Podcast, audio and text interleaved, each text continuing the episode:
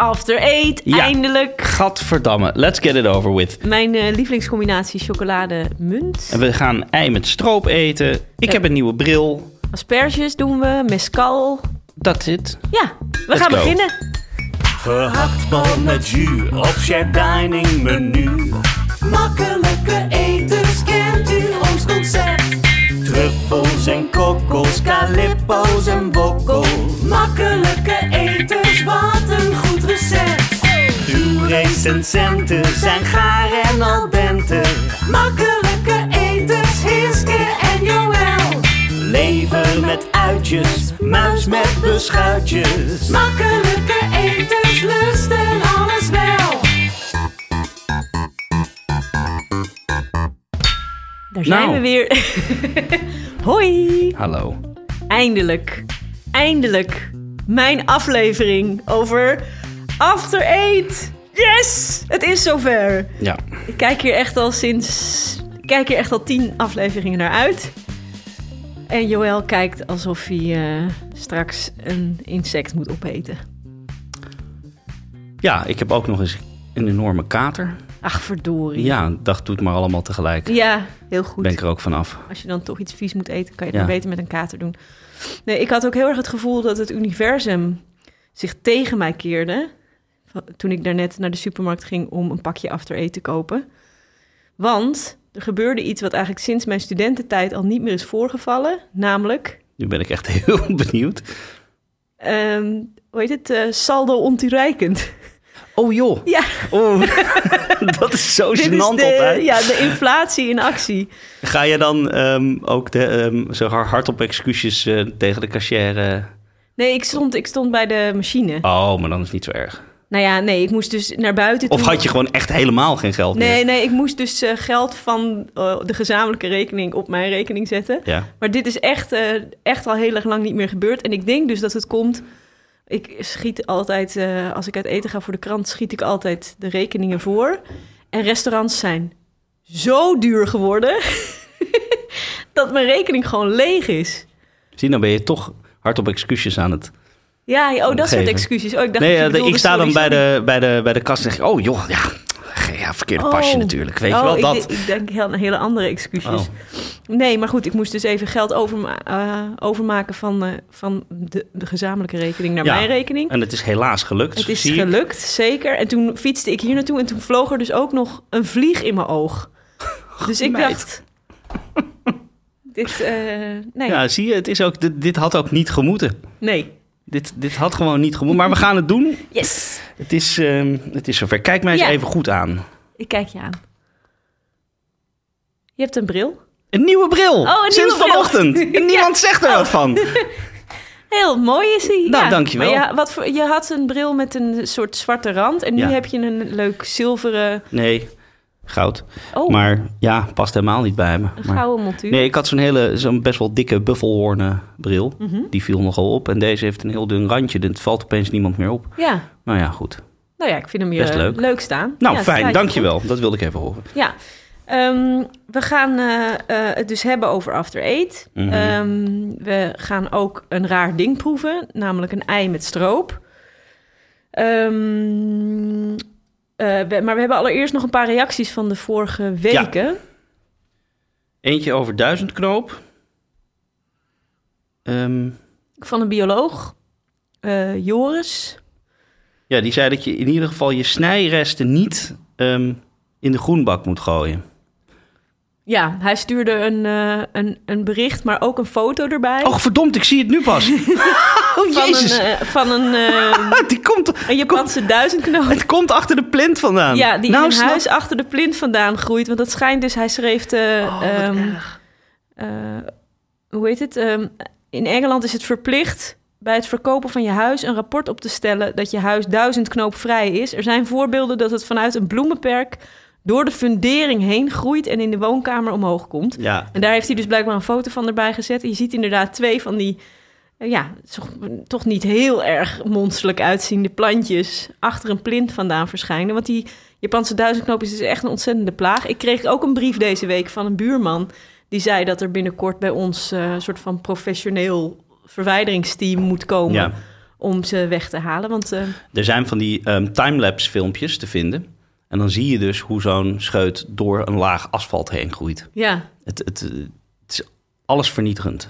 waar, waar komt die, weet je waar die plant eigenlijk van origine vandaan komt? Waarom is die zo ontzettend sterk? Ehm, nou, dat is dus iets wat ik... eh, daar kom ik op terug, want dat is dus exact wat ik nu ga uitzoeken voor die nieuwe rubriek. Ja, Ehm, maar ik ben eerst nog bezig met de, de nijlgans, de rivierkreeft en de muskusrat. Dus ik had alleen de duizendknoop nu alvast eh wat mee gedaan, omdat die nu in het seizoen is. Die Ja. scheutjes zijn er nu, maar dat stuk dat komt later. Ja, dus ik, eh, ik, ik, eh, het antwoord hou je te goed van mij. ja, en ik vond het vorige week een beetje dat jij dus zei van nee, mensen moeten dat niet zelf gaan doen. Dacht ik van nou kom, kom Joël, waarom niet eigenlijk? Maar Joris Nee. die stuurde nu dus ook. Ja, je kunt beter, hij, hij stuurde nog een tip voor iets anders. Een alternatief voor deze lekkernij zijn de jonge scheuten van riet. Een Hmm. beetje aspergeachtig. Ken je dat? Nee, ik ben heel benieuwd. Nou, Nou, voor de wildplukkers eh, leuk om te weten misschien. Ja. Nee, maar je moet er dus echt enorm uitkijken. Ja. Als je inderdaad onderweg iets verliest, dan is het zo, eh, zo gebeurd. Ik snap het, ja. Ehm, nou, dan hadden we nog een paar berichten ook voor eh, het wekelijkse eh Hiskus eierhek. Die eieren zijn een beetje jouw hert aan het worden. Ja, dat is wel zo, ja. Nee, het stomme was dat dus mijn eh, Sylvia Witteman... die zette op Twitter deze week... dat ze dus mijn eierhek met de waterkoker... dus eieren koken in een waterkoker... nu ook gebruikt. En toen ging het weer helemaal eh, los. Ook met allemaal mensen die zeiden dat ze het enorm onhygiënisch vonden... en zo, omdat er dan kippenstront in je waterkoker eh, zit. Ja, je gaat natuurlijk geen thee zetten vervolgens van het water... waar je net dat ei in hebt gekookt. Ehm, maar... Ja, maar wat- wij moeten dus blijkbaar al dit soort dingen er allemaal bij gaan Ja. zeggen. Hè, nu. Amerikaanse toestanden. ja, precies. Moeten we Ehm, onszelf ook aanleren om heel snel te praten. Net als in die Amerikaanse ehm, commercials voor, eh, voor pillen en eh, van farmaceuten. Dan wordt er altijd zo... Precies. Alle, alle bijwerkingen. Goed, Niet vervolgens in die waterkokerij in hetzelfde water. exact. Ehm, maar het, het leuke was dat er toen nog een aantal andere tips zeg maar, achteraan kwamen... waarvan ik er twee even nog wilde noemen. Gewoon om, gewoon om de eierbeleving van mensen nog iets te verbeteren. Er was namelijk iemand, en dit vond ik echt vrij geniaal... die zei, als ik één ei kook, dan duw ik het ei in de garde... en die leg ik in het water... Ehm, nou, dat heb ik dus ook gedaan in mijn waterkoker met een klein gardetje. En dat gaat heel goed. Eh, dan til je hem daarna dus aan die garde uit het water. Gaat super. Maar dan moet je, heb je dan een garde die volledig metaal is? Met ook een metalen handvat? Want die wordt natuurlijk bloedheet Ja, dat, ik had wel met een doekje had Ah, ja, er uitgepakt, maar anders Nee, maar dit moet je er dus bij. Anders Oh ja, krijgen we straks weer we klachten over brandwonden Ja. volgende week. Ehm, nou, en een andere, en dat vind ik ook wel grappig, want ik dacht, moeten we het ook misschien even over hebben, over die verschillende temperaturen om een ei op te koken. Mhm. Ehm, dit was eh, Berend Jan Beugel. Die zei: eh, ehm, Mag ik hierop afdingen? Dus op dat je, ei onder water, vijf minuten wachten. Water aan de kook brengen, wa- warmtebron uitzetten, erin leggen en na pakweg 6,5 minuut uit het water halen. Volgens McGee, Harold McGee, de schrijver die we hier ook al een paar keer hebben aangehaald, eh, moet eiwit niet heter worden dan 80 graden, anders wordt het rubberig. Ehm, ja, dit zijn echt volgens mij twee verschillende scholen van eiereters. Toen ik dit eerst las, dacht ik, nou dat lukt nooit. 6,5 minuten, het blijft hartstikke rauw. Dus ik heb het geprobeerd, dus het water aan de kook gebracht. Ehm, laten afslaan. Vervolgens natuurlijk met de garde de eieren in het water laten zakken. en eh 6,5 minuut gewacht.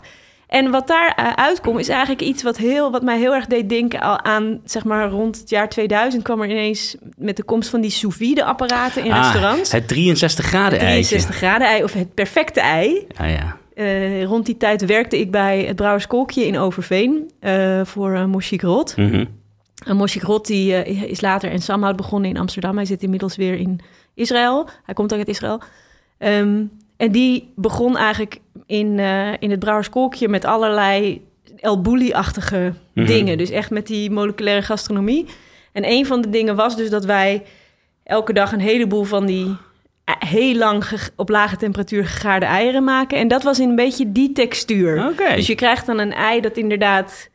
eh, waarvan de dooier een heel klein beetje gestold is. Mhm. En het wit nog heel eh, breekbaar. Maar, wel, maar ook maar niet meer eh, transparant, zeg maar. Ja, ik vind het best wel leuk om dat in sommige gerechten te eten. Maar hij heeft het dan over een rubberig wit. Ik wil wel gewoon een beetje een stevig, Ja. stevig eiwit. Zeker als je het in een salade eet of op een broodje of zo, dan wil je niet zo'n emmer Ja. snot, zeg maar.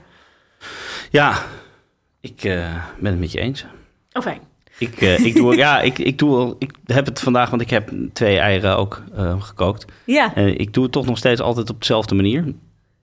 Op, gewoon in koud water leggen, aan de kook brengen. Zodra het kookt, vier minuten wachten, afgieten, koud spoelen. En het is altijd, ja, deze heb ik, ben ik vergeten, dus deze zijn te hard geworden. Maar in principe gaat het altijd goed. En als je het water gewoon, ik bedoel, het hoeft niet heel hard te borrelen. Koken is koken. Dus als het een beetje borrelt, is het ook al goed. En dan gaat je ei dus ook niet kapot, dan danst het niet. hartstikke goed. hey, eh, hoe kom je aan die kater? Nou, dat hangt een beetje samen met mijn eetweek, dus dat wilde ik zo vertellen. Nou, ga je gang. ik, had nog, nee, ik had nog één reactie Oh. binnengekregen eh, op de cola-uitzending. Mhm. Namelijk onze collega en eh, culinair historica eh, Charlotte Klein stuurde mij een Duits reclamefilmpje voor Fanta Ja, uit 2015. oké. Fanta was toen ehm 75 jaar. Ik weet niet of je het even wil aanzetten.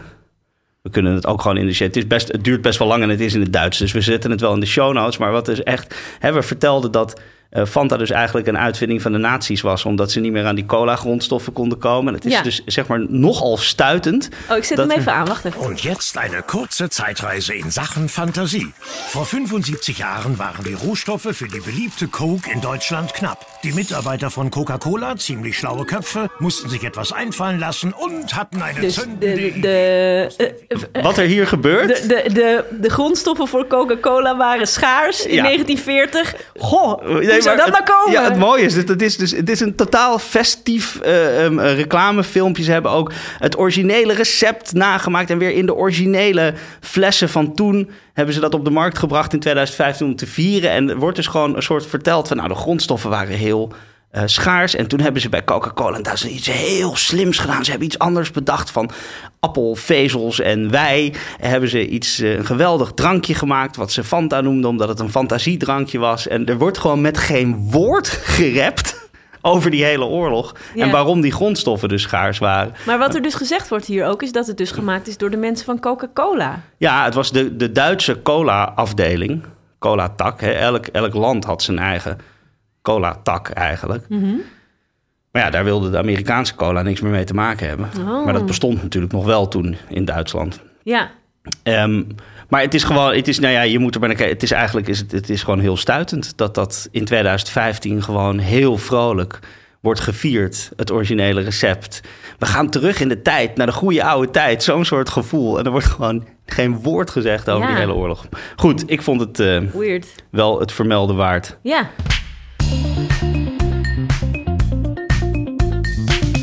En je kater nu Ja. weer, want ik ben super nieuwsgierig. eh, Nou, de eetweek. Ehm, gisteren hadden we de allerlaatste draaidag voor Masterchef Celebrity, of Celebrity Masterchef moet ik zeggen. Dus ehm, dan heb je eh, bij dit soort producties altijd een rap party. Hè? Dan, als het klaar is, dan zeg je it's a rap en dan heb je de rap party.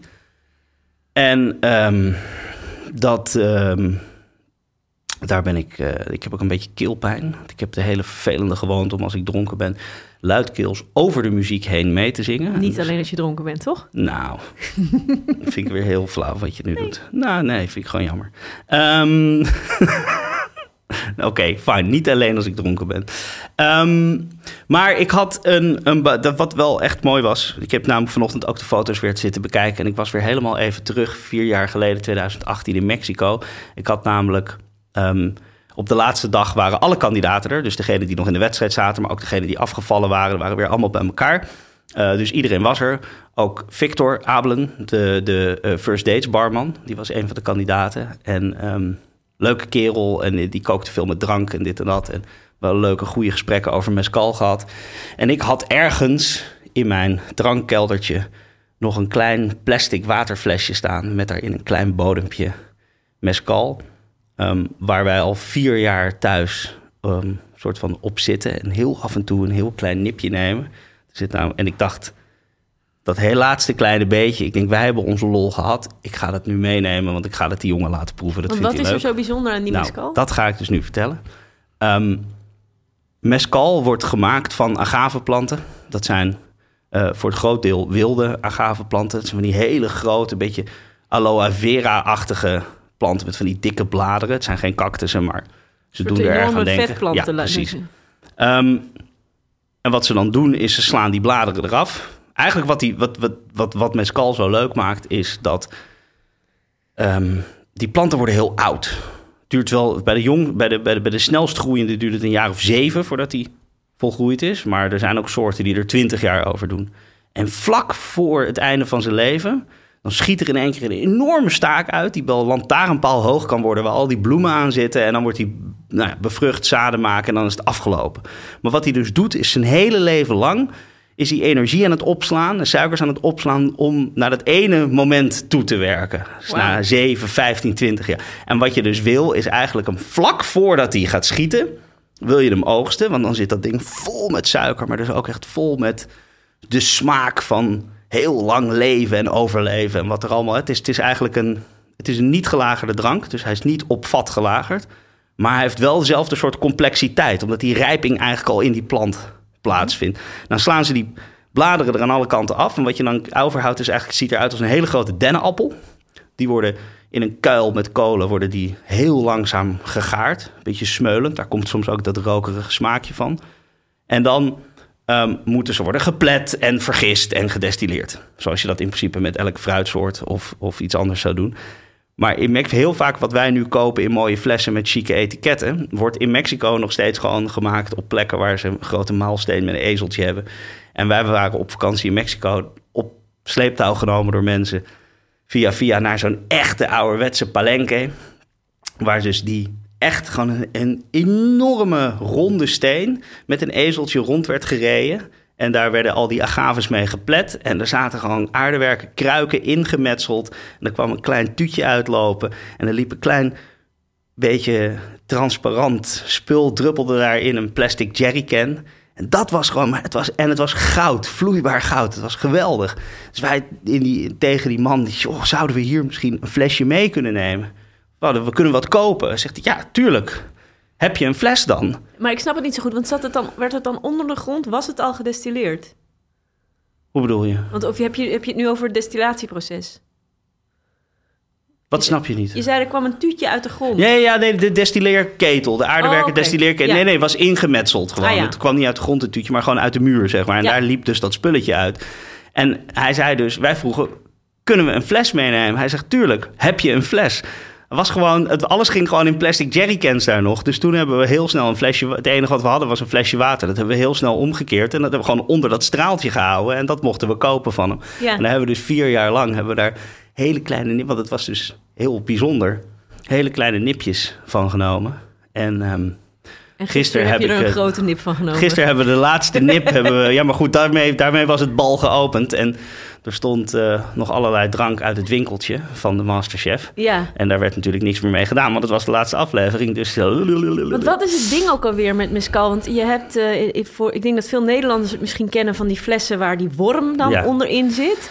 Ehm, eh, het heeft ook een beetje eenzelfde soort zweem als bijvoorbeeld absint, waarbij mensen ook zeggen van, oh je wordt er of echt een beetje wappie van, of je gaat er een beetje van hallucineren, alsof het, er Ja. hangt een soort mystiek omheen van dat het meer is dan alleen alcohol. Is dat zo? Nee. Nee, het is gewoon hele sterke drank. Nou, ook niet eens per se. Het is Ja. gewoon sterke drank. Ja, En het is gewoon, het is zeg maar, alle tequila is mescal, maar niet alle mescal is tequila. Als het van de blauwe agave gemaakt wordt in een bepaalde provincie, dan mag het tequila heten. Dat is vaak wat zachter en wat, wat ronder en wat frisser. En eh mescal, die veel uit Oaxaca komt, in het eh, zuidwesten van Mexico, dat is, wat, is gewoon wat rauwer, wat ruiger. en, die is- worm? ja, dat is geen worm. Dat is een, eh, de larve van een nachtvlinder. Of de pop, moet ik zeggen. De pop van een nachtvlinder oorspronkelijk. En het verhaal wat ik gehoord heb, wat het, meest plausibele wat ik gehoord heb, is dat dat gebruikt werd ehm, in, vroeger in de kroegen of in de herbergen, de tavernes. Dan ehm, was dat een manier om te laten zien door de barkeeper dat hij je niet bedonderde.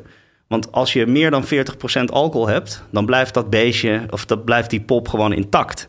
Als je het gaat aanlengen met water terug onder de 40%, dan begint hij te ontbinden. Oh. Dus doordat er gewoon die poppen in die flessen zaten, wist je dat je gewoon goed spul kreeg wat niet aangelengd was met water.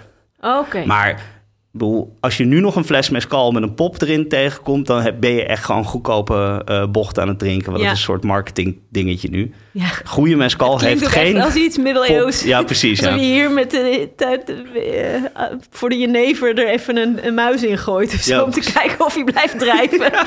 oh nee, hij blijft niet drijven. Nou, geef hem maar een glas. Maar het is wel, mescal is echt, echt geweldig. Het is een totaal ander palet aan smaken dan de, de sterke dranken, de destillaten die wij hier kennen uit de oude wereld. Het is, je hebt sowieso een stuk of, nou moet ik even, ik weet het niet, ergens 15, 20 verschillende soorten agaveplanten die allemaal, misschien overdrijf ik nu, veel verschillende, Ja. die allemaal een eigen smaak. En het, het kan ook heel erg sommige bijna ziltig, olijvig. Dat soort kanten kun je opgaan. Of juist heel grassig tot bijna bubblegum-achtige smaken bij bepaalde. ja, het is echt soorten. een tof product. Ja. Het is ontzettend lekker. Ik kan het iedereen enorm aanraden om heel veel mescal te drinken. En dan de volgende dag niet een podcast op te nemen. Arme. Oh jee. Goed, jij, jouw eetweek. Ja, nee, ja, eetweek. Ik heb gisteren eindelijk weer eens asperges gekookt eh, thuis. In de waterkoker. Blijven ze mooi rechtop staan, toch? Ja, precies. Je had, vroeger had je van die aspergepannen. Ja, ik heb hem nog. Heb jij dat? Ja, Ja. dat vind ik echt, van- dat is echt zo'n keukenlijk, toch? Daar moet je ze rechtop inzetten met de kopjes boven water. Ja. Ja. Ja, mijn dochter vindt het heel leuk, want die kan met dat netje in die pan heel veel herrie maken. Dus Oh ja. af en toe. Oh, hij heeft ook echt zo'n netje die je op kan tillen. Ja, het is zo'n heel. Het is eigenlijk ja, een koker, zo'n hoge, hoge koker met een netje wat erin zit van metaal, wat je ook zo op kan tillen. ja. Dat je asperges heel mooi. Ja, ik, ja, ik weet, ik snap nooit zo goed. Kijk, ik heb in, verschillende restaurants gewerkt waar we asperges bereiden. En ik heb vorig jaar ook voor de Volkskrant samen met eh Margot asperges eh, gemaakt van Da Vinci in, eh, in Maasbracht. Die echt heel, veel doen met asperges, natuurlijk in Limburg daar. Ehm, en ik heb nog nooit in een restaurant gezien dat iemand de asperges kookt met de kopjes boven water. Nee, het is ook. Dat, volgens mij is het ook helemaal niet nodig. Nee, nee. Nou je ja, kan het in de magnetron doen, hè, trouwens. Asperges ja, koken. nou ja, wat ik dus gisteren heb gedaan... Oh ja, sorry. Ja, je was aan het vertellen. Hè? Ja, sorry. is eh, eh, dat ik ze gekookt heb in de snelkookpan. je doet alles nu in de snelkoker. Eh, Ja, nou ja, ik was ook een beetje beledigd, want, want eh, ehm, Teun van de Keuken die heeft dus op mijn advies een snelkookpan gekocht. Ja. En die, en die heeft zich nu op Twitter een soort van geprofileerd als Mr. Snelkookpan. Ehm, Bij deze lieve luisteraars, ik ben mevrouw... Hiske is de bron. Precies. nee hoor, want ik heb mijn snelkookpan ook weer van Johannes van Dam. Dus dat, eh, dat is niet zo. Wist je dat volgens mij is mijn allereerste stukje wat ik ooit voor Vrij Nederland schreef in 2013 al ging over een snelkookpan. Oh ja? Of het tweede misschien. Nou goed, dat, wat dat betreft is het natuurlijk ook eh, van niemand. Maar in ieder geval, ik had dus, ik eh, dacht, ik ga het gewoon een keer proberen, want je, ik heb dat mooie nieuwe snelkookpan. Maar dan moet je hem een minuut of zo doen. Ja, je, je stoomt ze eigenlijk. Dus ik had eerst had ik in de snelkookpan had ik eh, bouillon gemaakt van de schillen. Dus ik had ze geschild. Je moet asperges altijd heel zorgvuldig schillen. Witte, sowieso. Zeker, ja, witte asperges. Ehm, eh, ja, het, het trucje is eigenlijk om een eh, kommetje te pakken en die met de bolle kant boven voor je te leggen. Had je nu maar zo'n netje gehad. Netje? Zo'n een- zo'n mandje om de asperges in de snelkookpan. Oh nee, nee, nee, dat hoeft niet hoor. Nee, maar ik, had, ik heb het over het schillen. Dus je, Oh, dus, dus je legt hem in, op dat kommetje voor je en dan ga je schillen met zo'n dun Ah, schiller. En je, eh, draait hem steeds, zeg maar, een kwartslag. Dus je schilt hem eigenlijk steeds op dezelfde plek, schil je twee keer. Wat is er? ja, nee, ik moet nu opeens denken. Ik heb wel eens een, een, een aspergeschilmachine gezien. Oh ja, ja, Heb je ja. dat wel eens gezien? Jazeker, ja, die Oh, heb je bij die, eh, bij, die hebben bijna al die aspergekwekerijen waar je ze kunt ophalen, hebben zo'n eh, zo'n schilmachine, ja. Ja, dat is echt een soort lopende band. En dan heb je dus twee dunschillertjes aan weerszijden. Die, waar die langs gaat. En dan vervolgens gaat hij langs twee dunschillertjes... die net weer soort van een, een derde slag gedraaid zijn. En dan nog één. En dan gaat hij dus in één keer... Zoef, zoeft hij er doorheen. Je kunt er ook doorheen kijken vaak, hè. Dit zit vaak achter glas, het ziet er super cool Ja. uit. Goed, Maar sorry, voor mensen verder. die dat niet hebben, die moeten dat gewoon zelf thuis doen. Bovendien, je moet ook geen geschilde asperges kopen, behalve als je ze meteen gaat bereiden. Ja, oké. Maar, maar eh, eh, je, je draait hem dus steeds een, een, eh, een, een klein slagje. Mhm. En je zorgt ervan, dan moet je ervoor zorgen dat zeg maar, die hele asperge gewoon glinsterend melkwit is. En niet meer dof. Want dat doffe, dat, zijn, dat is die schil. En dat zijn vezels. En dat is bij het eten is dat echt heel erg vervelend. En knakken, En- doe je dat ook? Ja, en dan knak je inderdaad het kontje eraf. Want hij knakt dan, als het goed is, gewoon precies op de juiste plek. Ja. En je kunt ook nog één tipje. als je asperges koopt, moet je even in het kontje knijpen. Ja. En dan moet er eigenlijk nog een druppeltje uitkomen. Vocht uitkomen, Ja, want dan weet je ja. dat ze nog eh, redelijk vers zijn. En ze piepen dan ook als je ze langs elkaar haalt. Overigens heb ik wel nog een asperge keukenlijk, bedenk ik me nu. Zo'n, namelijk een dunschiller.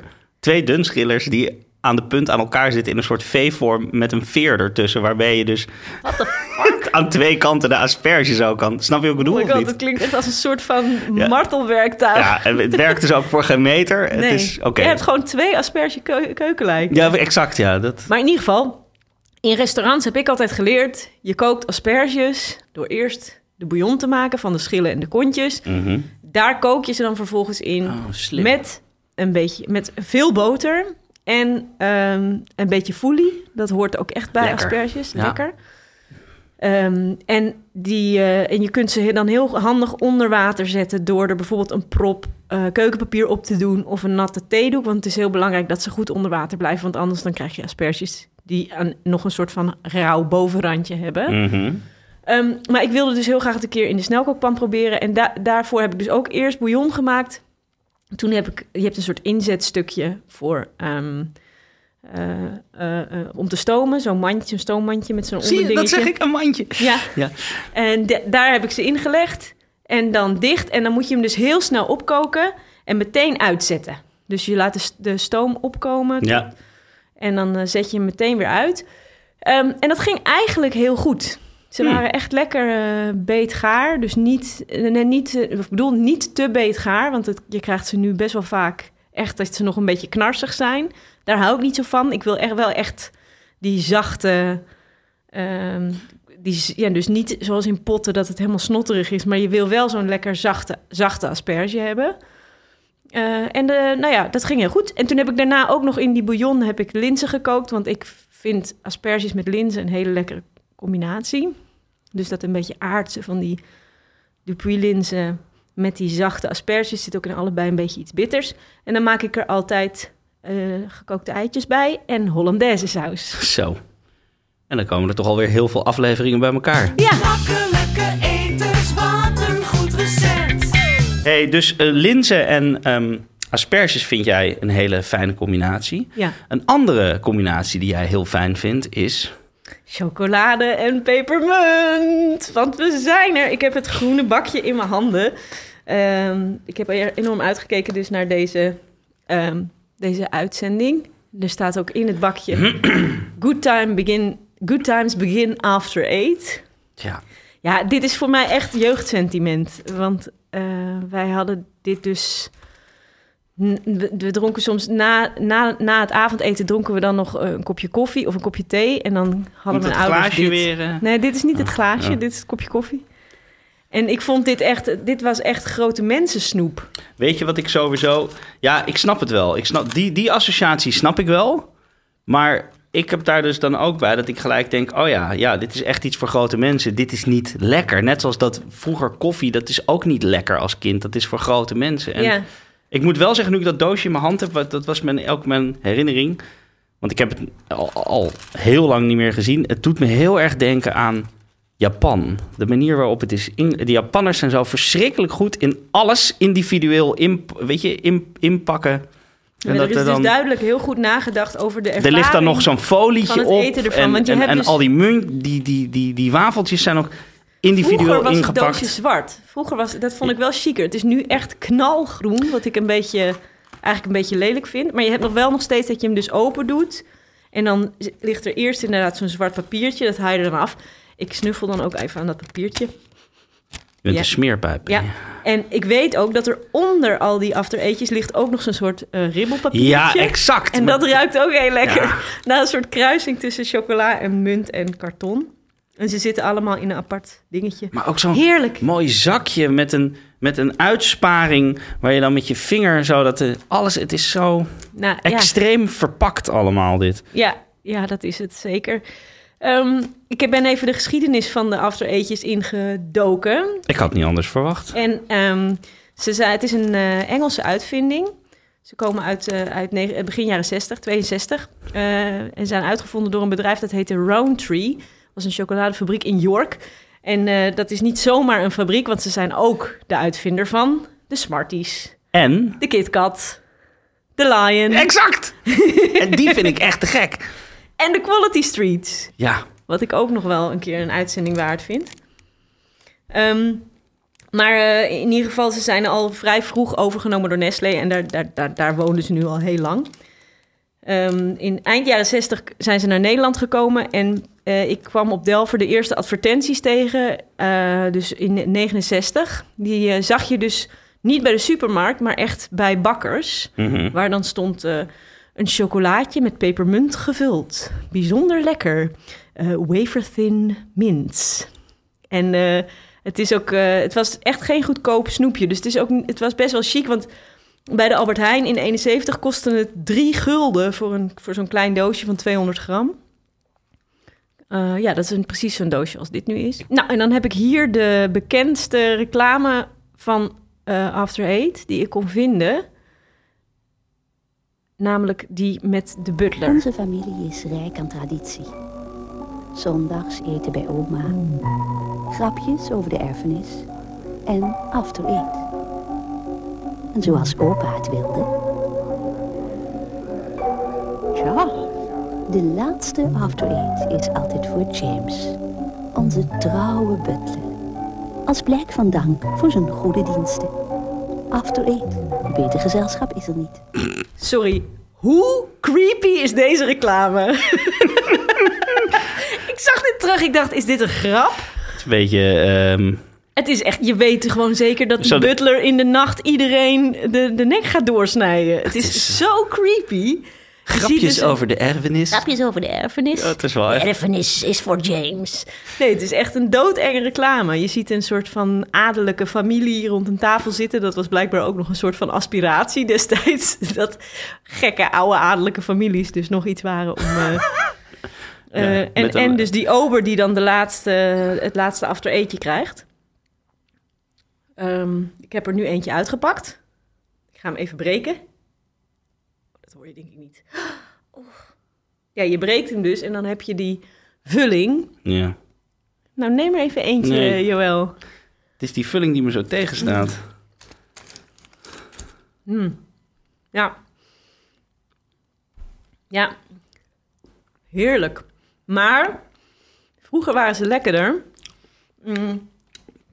En dat, dat gevoel, dat had ik dus al. Oh, Joël kijkt echt heel vies. Ja, maar weet je wat het is? Het is? In het begin is het nog niet eens zo onaangenaam om te eten. Maar het is gewoon...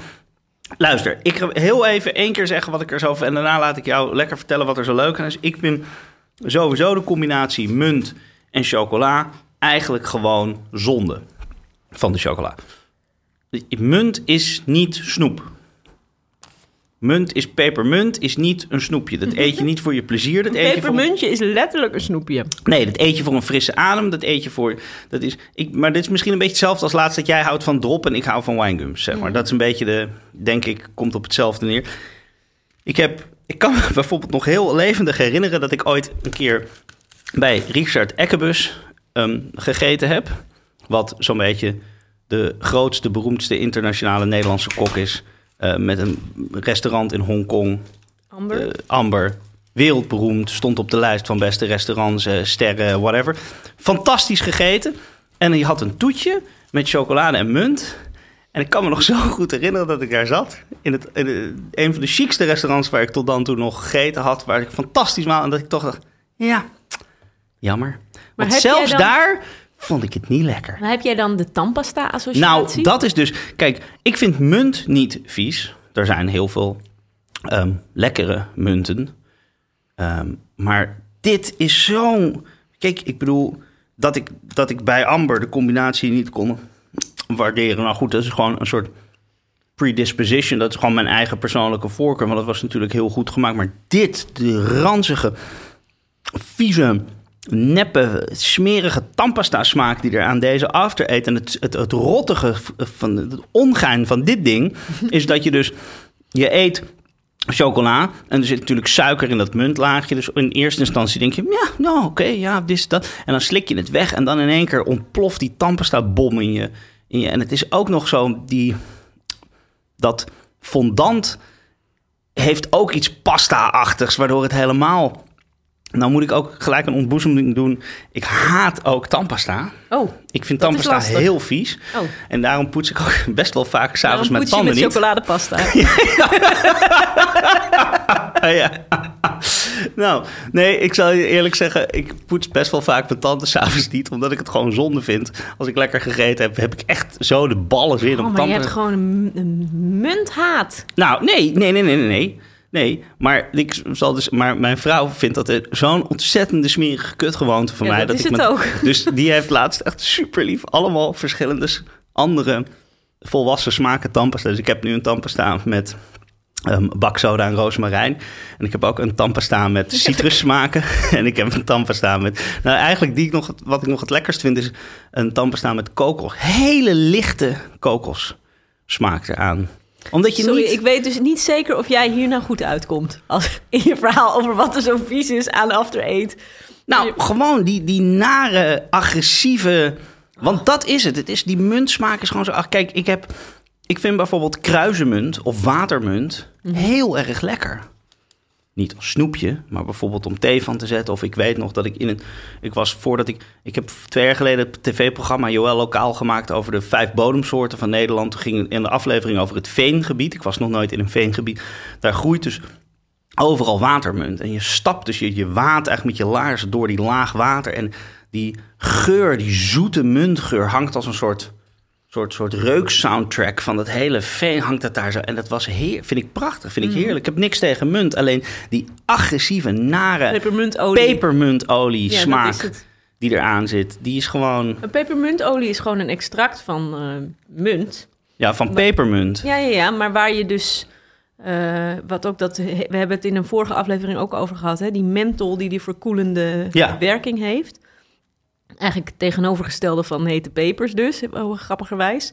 Dus het doet je mond koeler aanvoelen dan die eigenlijk 4 is. tot 7 graden Grappig, hè? voelt alles. Ja. Ehm, ja, ik, ik eh, hou er zelf dus wel van. Maar kijk, als je dit al zo vies vindt... dan ga ik je misschien maar niet vertellen hoe die After Eights gemaakt worden. Want het grappige aan After Eight is dat ze dus moeten rijpen. Ik kende dit verhaal totaal niet. Ik wist helemaal niet dat dit bestond.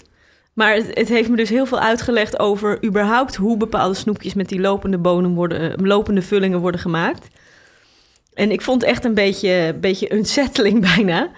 Het grappige is dus, je hebt eh, vaste suikersoorten en je hebt een beetje lopende suikersoorten. Nou, tafelsuiker, wat ook in After Eight zit, dat is eh, eigenlijk een combinatie van twee suikermoleculen die aan elkaar gekoppeld zijn. Dus het is een glucosemolecuul en een fructosemolecuul verbonden met iets dat heet eh, glycoside. Ehm, en eh, je hebt dus een bepaald soort enzym. En dat is een enzym die bijvoorbeeld ook aangemaakt wordt door bijen als ze Ja. honing uit eh, eh, nectar uit bloemen halen. Die ervoor zorgt dat die suiker vloeibaar wordt. Dus die breekt die glucosideverbinding tussen die moleculen door.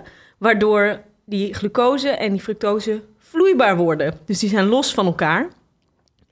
En het grappige is dus dat als dit soort dingen gemaakt worden... maar je hebt ook bijvoorbeeld kersenbonbons waar dit in zit... eigenlijk een heleboel soorten bonbons met vloeibare vullingen...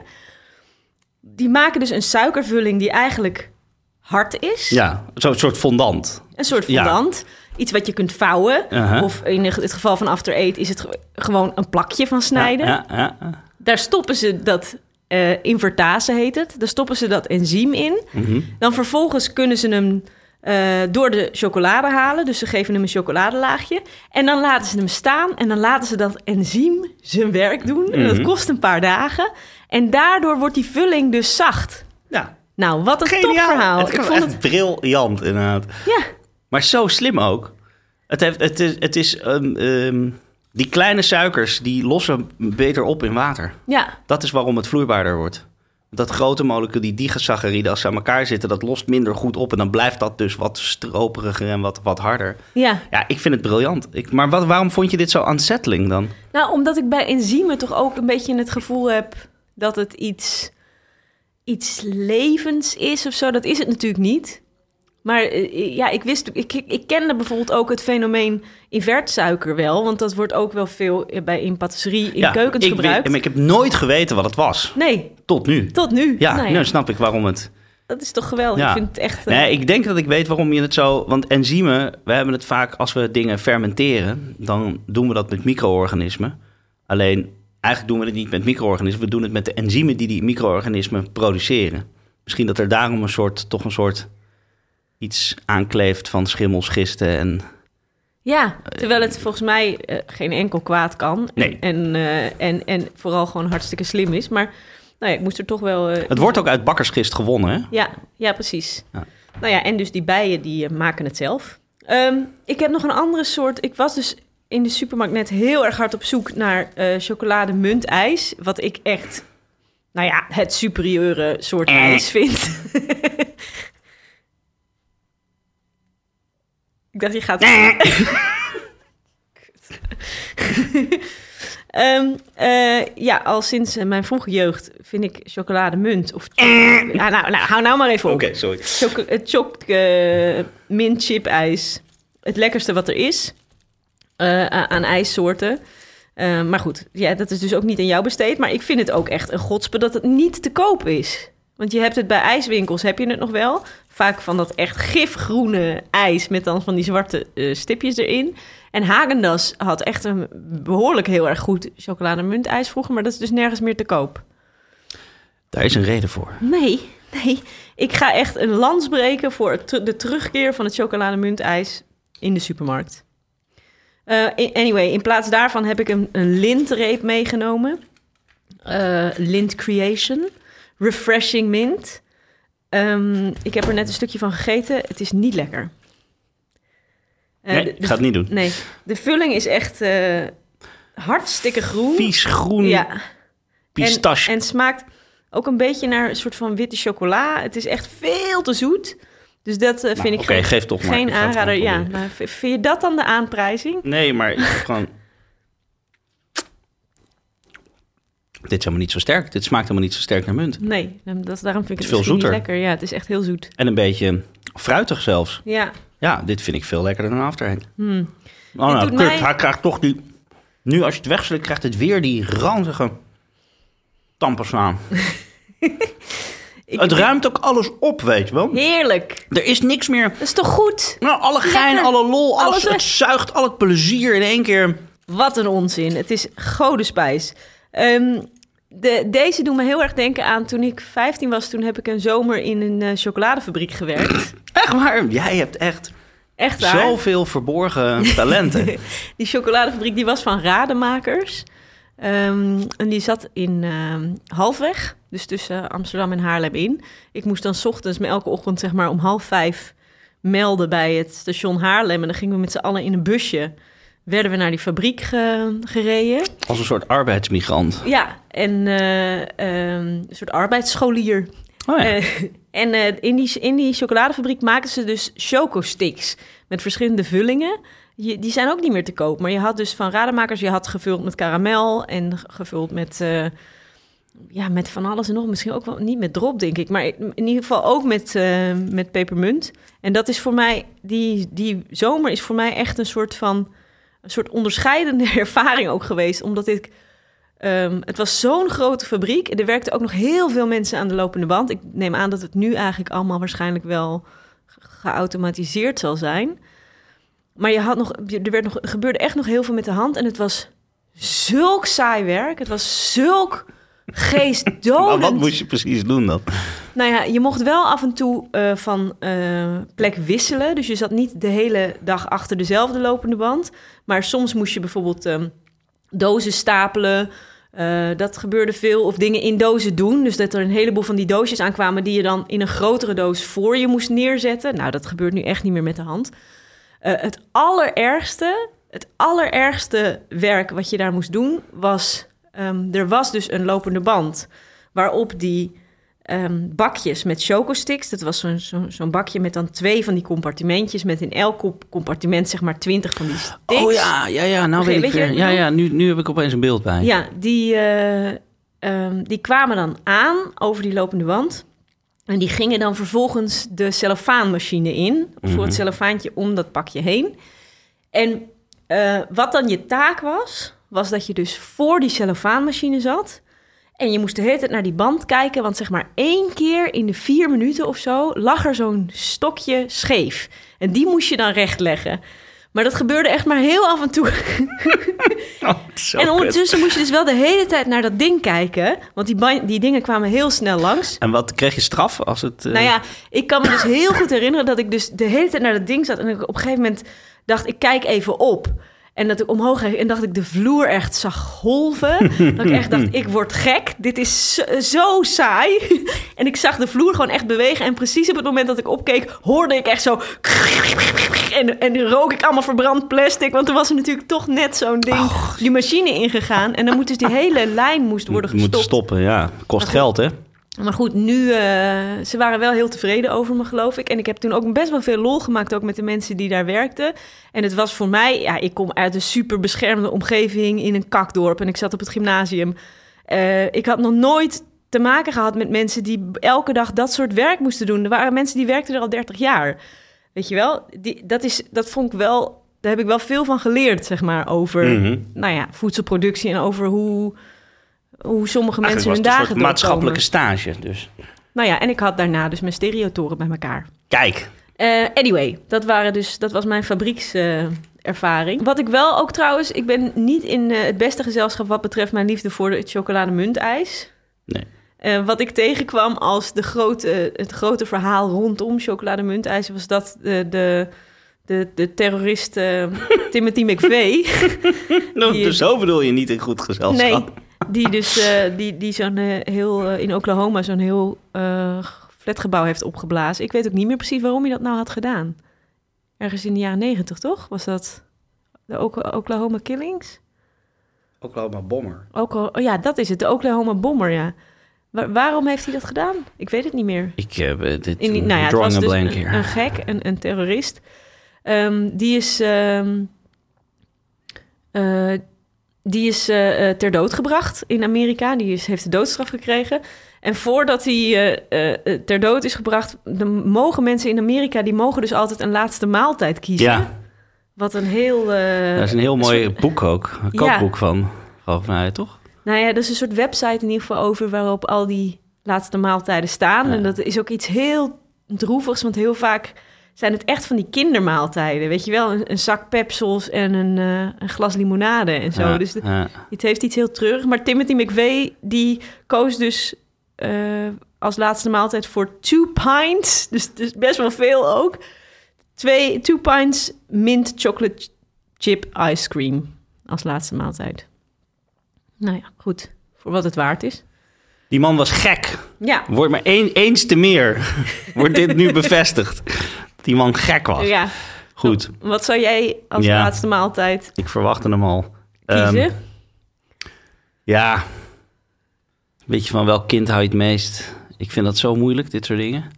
ja, maar goed, je moet morgen, eh, word je te dood voor... eh, Nou ja, toen dacht ik, oké, ik zoek dan altijd in dit soort, bij dit soort vragen zoek dan naar een bepaalde houvast. Eerst dacht ik, om, ook met Mr. Creosote in mijn achterhoofd, dacht ik, misschien moet ik juist zeg maar, een soort grande buff, want dan verleng ik mijn leven nog een paar uur voordat ik het allemaal op heb. Ja, Dus, Grande Buff is natuurlijk de film waarin een aantal Franse lekkerbekken zichzelf zelf dood eten. Ja, nou ja, goed, dan bespaar je ze ook nog het spuitje. Ja. Ehm, maar, eh, maar toen dacht ik, oké, fine, uh, whatever, I'll play along. Ehm, als ik ter dood veroordeeld word, dan zal het waarschijnlijk in Amerika zijn.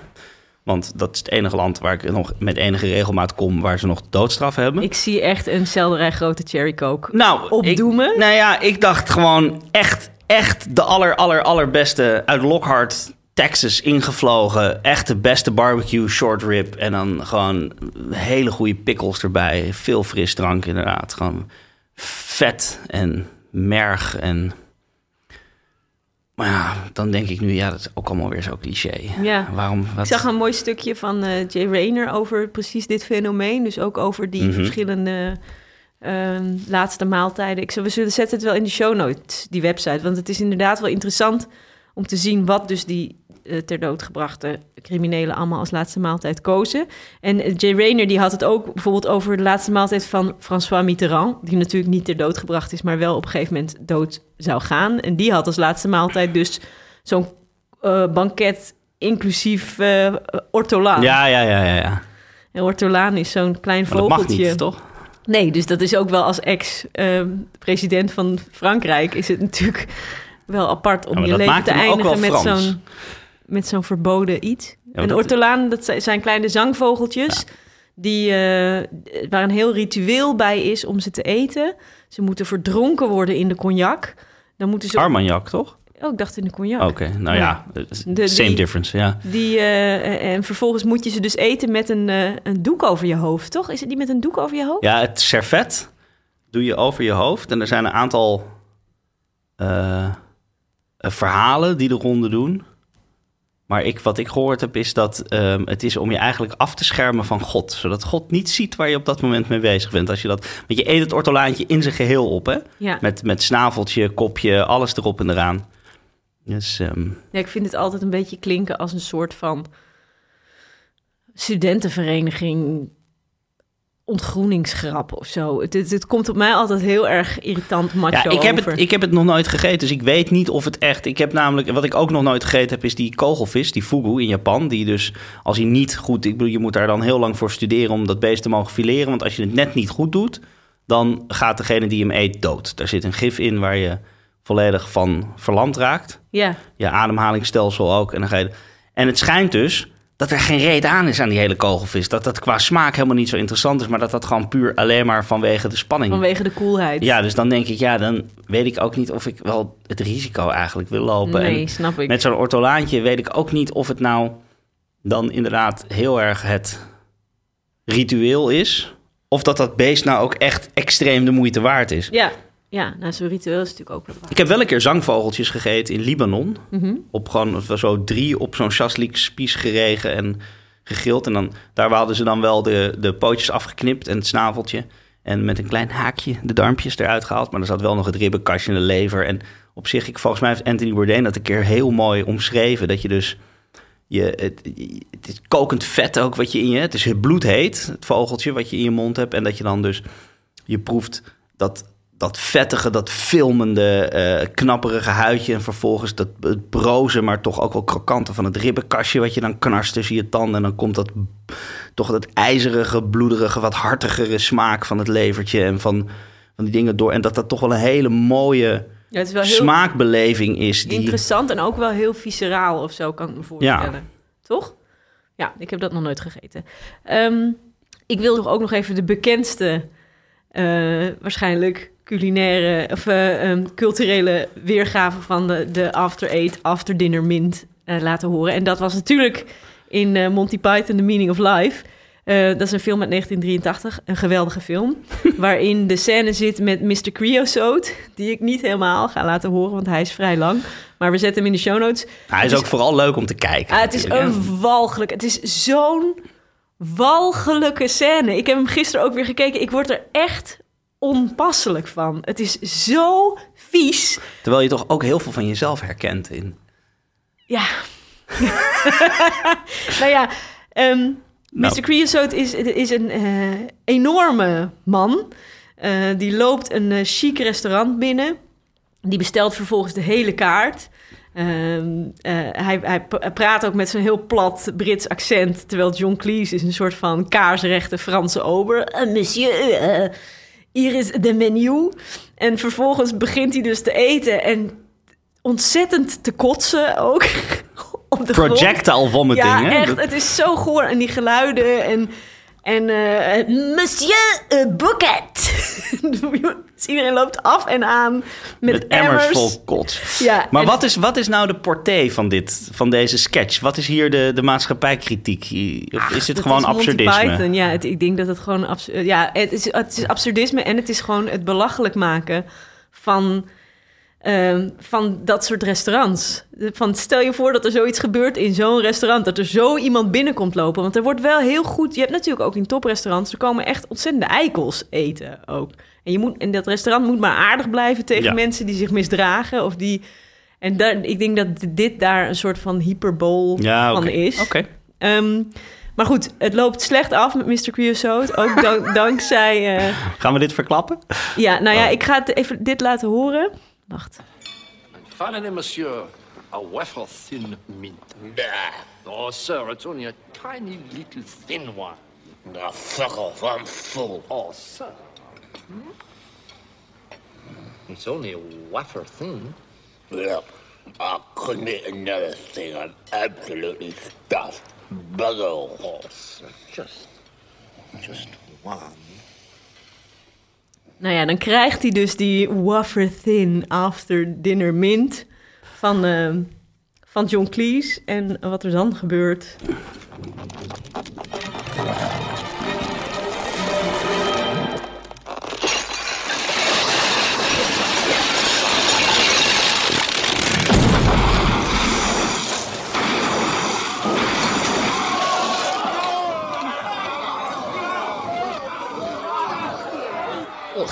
kijk ernaar en ik word weer onpasselijk, want hij blaast dus op als een soort ballon en ontploft dan. Waarbij dus het hele restaurant onder de kot zit. Dat spat echt alle kanten op. En je, nou ja, het is eh, ongelooflijk vies. Maar de, Je vindt het echt heel leuk, hè? ja, ik vind het geweldig. Maar het is, ik zeg het zelf ook heel vaak als ik bijvoorbeeld er ergens te veel gegeten heb. En je krijgt nog zo'n, bij de koffie dan nog zo'n warme madeleine of zo. Dan zeggen Joosje en ik ook altijd tegen elkaar, it's only wafer thin. Ja. ja, ik vind het echt een, een, een ongelooflijk gave scène. Anyway, daarmee eindigen we ons, eh, ons verhaal over de After Eight. Het was toch niet zo erg, Joël? Nee, het was best gezellig. En ook heel interessant. Ehm, maar ik heb gewoon een vies smaak in mijn bek. Dan eh, gaan we die er nu eens eh, vakkundig uittoveren met een raar ding. Makkelijke etens, Hiske en Joël. Een raar ding. We hadden het er vorige week al even over gehad. Alleen toen was het ei blijven steken in de waterkoker van Hiske Versprillen. Ehm, dit keer heb ik het ei gekookt. Het is ook niet helemaal goed Nee, gegaan. er Eh, misschien kun je even omschrijven wat er hier ligt. Nou, toen ik hier binnenliep, toen dacht ik al, ik ruik iets. Een licht zwavelige geur. En er ligt nu dus op een, eh, op een schoteltje ligt één ei, wat een beetje is aangekoekt met een soort van gele smurrie. Het andere ei heb ik het idee van dat je erop bent gaan zitten.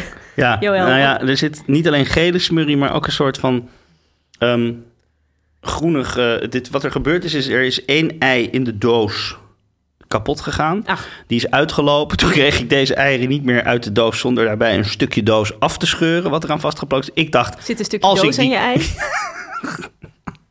ja, het ei komt toch uit de doos. Ehm, ik dacht, als ik het in het water kook, dan kookt het vanzelf wel los. Dat was niet het geval. Dus vandaar dat het van buiten er een beetje schmoetsie uitziet. En ja, een van die eieren is in de verdrukking geraakt in mijn rugzak. Ach. Maar goed, dat mag de pret niet drukken. Nee, want we hebben dus eh, van Floor Smeets een, eh, een, een, een raar ding binnengekregen. Ehm zij schrijft... Ik wil niet een... Zij of hij, kan natuurlijk allebei. Hè? Oh ja, Floor... Ik, eh, ja, het kan allebei. Eh, Floor Smeets schrijft... Ik wil niet een product voorstellen, maar een vreemde combinatie. Stroop met ei. Ik kom uit een familie waarin deze combinatie zeer graag gegeten wordt. Of het nu gaat om gekookt of gebakken. Wij combineren het ei liefst met brood met een laagje stroop. Ik kwam er vrij recent achter dat bijna niemand in mijn omgeving deze combinatie kent. En de meeste mensen vinden het een vreemde combinatie. Mijn man had er ook nooit van gehoord, maar is inmiddels helemaal om en wil ook niet anders meer. Zeker als er bijvoorbeeld wat spek wordt meegebakken. Nou, ze komt uit Limburg, zegt ze, en hier is die combinatie stroop met kaas wel heel gebruikelijk. Eh, en op spekpannenkoeken wordt natuurlijk ook vaak stroop gegeten. Ik wil wel heel even stilstaan bij dat ze, er dus, ze of hij is er dus recent achter gekomen dat eigenlijk heel weinig mensen in de omgeving dat eten en dat eigenlijk wel raar vinden. Dat betekent dus dat je je hele leven lang stroop met ei eet, daar met niemand over praat. Wat is er dan gebeurd? Welke gelegenheid heeft zich voorgedaan dat dat opeens een topic geworden is? Nou ja, Floor zegt dus dat, dat eh, zijn of haar man er nog nooit van gehoord had. Dus misschien is, de- is het daarbij dan ontstaan dat ze, dat ze dus eh, samen ze- aan het gingen ontbijten. En dat die man zei, wat doe je? Ja, oké, maar dan zijn ze dus pas getrouwd of zo. Oh ja, nou ja, ik weet het niet. Nou, goed. Anyhow, ehm, ik ben de eieren aan het pellen ondertussen. Ja, Ehm, en we gaan het dus nu proberen. Jij hebt twee soorten stroop meegenomen. En wij hebben dus hardgekookt ei. Ja, Ehm, ik moet van tevoren zeggen dat ik niet per se heel erg denk yummy yummy. oh, direct. Eh, hoewel je natuurlijk wel ook allerlei ja, eiergerechten hebt waar je wel stroop bij eet. Ik, ik noem het wentelteefje. Bijvoorbeeld, maar ik, dit, ja, gelukkig heb je genoeg tandpasta hier om straks eh, de boel weer... eh. Ehm, nee, ja, zeker. Ik bedoel, pannenkoeken is, worden ook eh, met stroop gegeten, met spek met stroop, balkenbrei met stroop. Dus hartige dingen, eiwitrijke hartige dingen met stroop is op zich niet een hele vreemde Ja, combinatie. maar een gebakken ei met stroop, dat, dat heb ik nog nooit gezien. Nee, ik ook niet. Maar het is meer dat ik daarom niet per se denk... oh god, wat gaan we in godsnaam proeven nu? Nee, nee. Ik denk dat zal... Ik kan me er wel een voorstelling van maken. Ja, ik heb eh, tijdens mijn tweede zwangerschap... ehm, had ik een eh, officiële zwangerschapslunch tijdens mijn, eh, tijdens mijn verlof. Dan ging ik namelijk iedere maandag naar Louis Louis. Dat was in, in de Indische buurt een, een beetje een hipsterig eh, ehm, restaurant, café. Die hadden namelijk eh, op hun ontbijtkaart ehm, wentelteefjes eh, met spek en avocado en agavestroop. Nou, dat vond ik zo lekker. Oh ja, en eh hot sauce, gerookte hot sauce. Oeh, nice.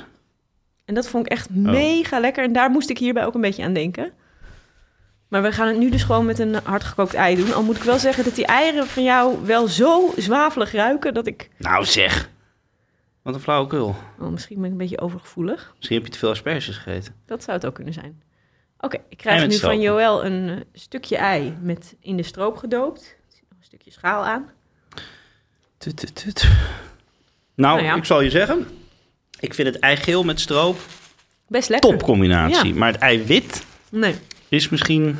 nee dat... ehm weet je, het, een beetje zout zou lekker zijn erop, denk ik. Ik vind het best lekker. Maar die schenkstroop, die heeft, daar hebben we het ook al eerder over gehad. Die heeft ook iets van die malasse, wat droppigs, wat, wat, Ja. wat ook al wel weer een bruggetje naar de hartigheid slaat op zich. En nu heb ik dus ook voor de grap, omdat ik het had staan, appelstroop Ja? uit het prachtige dorpje Rins. Mhm. Mm. En dan ben ik heel benieuwd hoe dat ehm, met het ei combineert. Want dat Ja. is natuurlijk wel echt fruitig en zoet. Wil je dat ook proeven? Ja hoor. Ja, nou ja, ik ben zelf een grote fan van ei met mayonaise op donker brood. Dus ik zal dit zelf niet zo snel, denk ik, thuis... eh, Oh ja, dit gaat wel, dit gaat wel, dit wordt wel funky. Ja, ik denk bij allebei moet er een beetje zout op. Dat, gaat, dat zou het een beetje ehm, in balans trekken, denk ik. Want ik vind het zo... eh, zeker dat eiwit met, ehm, met die stroop, dat is raar. Ik vind het en textureel raar en qua smaak een beetje plat. Ik vind het wel grappig dat die appelstroop met die hartigheid, zwaveligheid van het ei gaat een beetje richting grillstreep. De smaak van grillstreep, zeg maar van, van iets op een grill. Ja, iets een heel klein beetje rokerigs. Ja, iets, Ja. iets ehm, ja. Ja, grappig. Nou, heel erg bedankt ja. hoor. Ik, eh, ik, vind het een, eh, ik vind het leuk om een keer geprobeerd te hebben. Floor, ehm, ik ga het ook nog wel een keer proberen met een gebakken ei. Want ik kan me voorstellen dat iets van iets, een, een hard randje... of inderdaad een beetje zoutigheid of rokerigheid... hier ook wel heel lekker bij is. Weet je wat je dan moet doen? Moet je de kaas onder het ei leggen. Wat? Hoe kom jij aan Moeten we, zullen, we, zullen we deze voortaan ehm, deze dingen, deze rare dingen een, een, een cijfer geven op de schaal van 1 tot 10 hoe raar we dit vinden? Ik vind dit niet super raar. Ik vind het ook niet zo heel Ik raar. vond, de, ik vond de bugles met chocolade, die, die krijgen een 8,5 op de schaal van raarheid. Ja, schaal van raar. En ik vind De dit, schaar van raar. ik vind dit een, ehm, nou, een vijfje, denk ik. Ja, zoiets. Nou, daar zijn we het over eens. Nou, heel goed. Ei met stroop. Eh, blijf ze opsturen. Heel de, graag. ehm, eh, de rare dingen. Eén raar ding dat ik heel graag zou willen proberen. Mhm. Eh, ik heb het gezien op Twitter, maar ik weet niet waar ik het vandaan kan halen. Is er is een soort mayonaise mousse. Dus mayonaise in een spuitbus. Volgens mij is het van Calvé, maar ik weet niet zeker. Ehm, ja, het bestaat. Oh. Helmans is het. Helmans mayo mousse. Dus heeft iemand dat in huis? Stuur ons even een berichtje, want dat wil ik heel graag in een raar ding eh, proeven.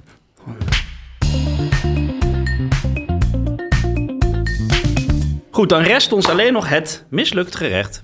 Ja, en het mislukte gerecht. eh, er zijn eigenlijk een paar verschillende oproepen gekomen. eh, die, die gaan over het bakken van vis. Mhm.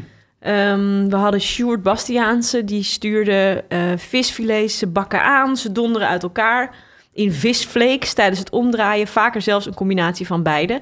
Zalm gaat nog wel eens goed en kabeljauw gaat altijd mis.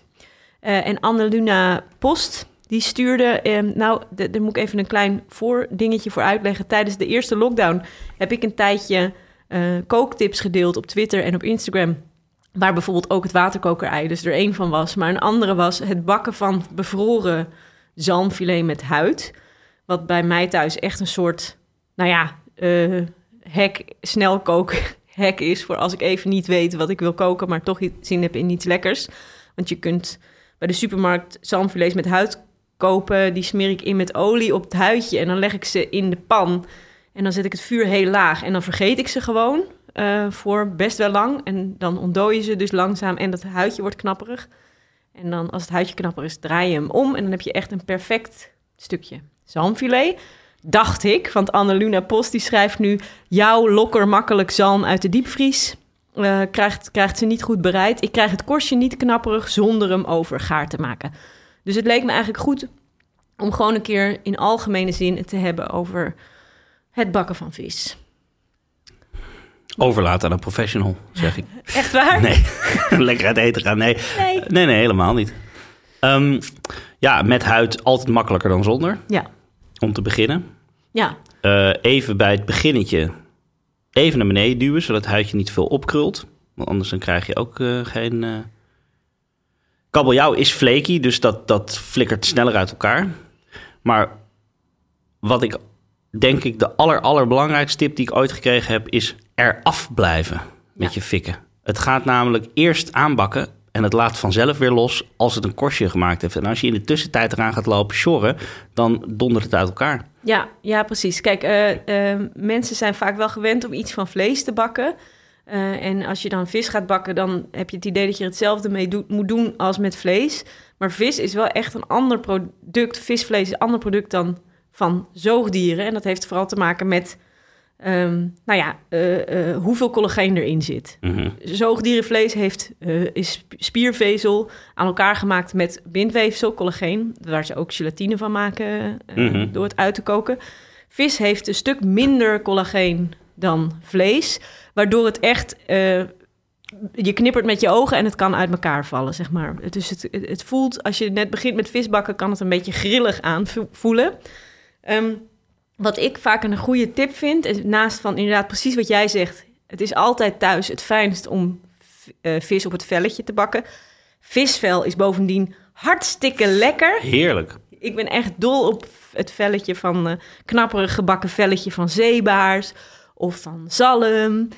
Er zit zo'n mooi vetlaagje ook onder, waardoor het sappig blijft. Dus als je kan, koop altijd vis bij de visboer of uit de diepvries met vel. Ehm, jij zei ook al inderdaad niet bewegen, goed zouten van tevoren. Ehm, ja, een goede pan gebruiken. Ja. Dus ook weer, we hebben het eerder gehad Inbranden. over goed ingebrande pannen. Maar goed, je kunt vis ook best bakken in een pan met anti-aanbaklaag. Ehm, en hoe ik vis heb leren bakken bij Wilde Zwijnen, toen ik daar werkte, was eh Frankie van Dinter, die eh, is daar de chef. En die leerde mij, je moet, een, eh, ehm, je moet de vis eerst goed zouten.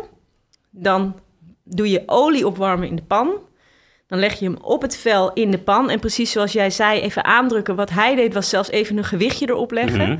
Niet alle vis heeft huid die evenveel krult. Zo'n zalmfiletje krult niet zo snel Nee. op. Maar een dun stukje zeebaars misschien wel. Mhm. Dus je legt er even iets zwaars op.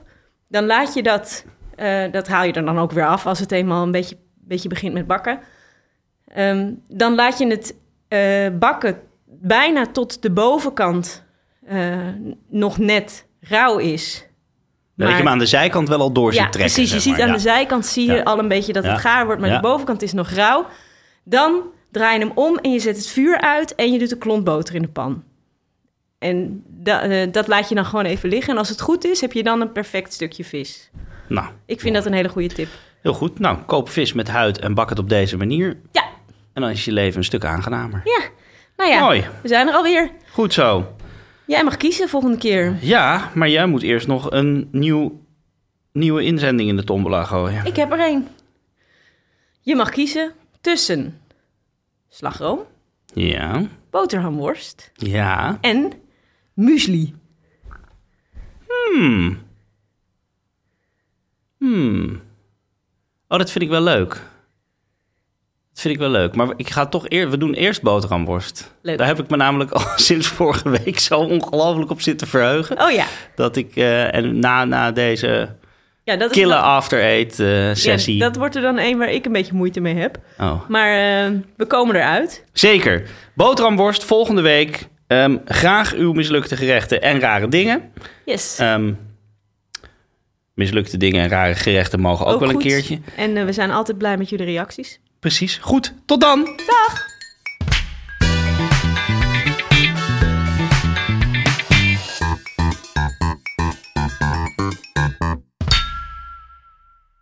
Dit was een podcast van Meer van Dit. Wil je adverteren in deze podcast? Stuur dan een mailtje naar info.meervandit.nl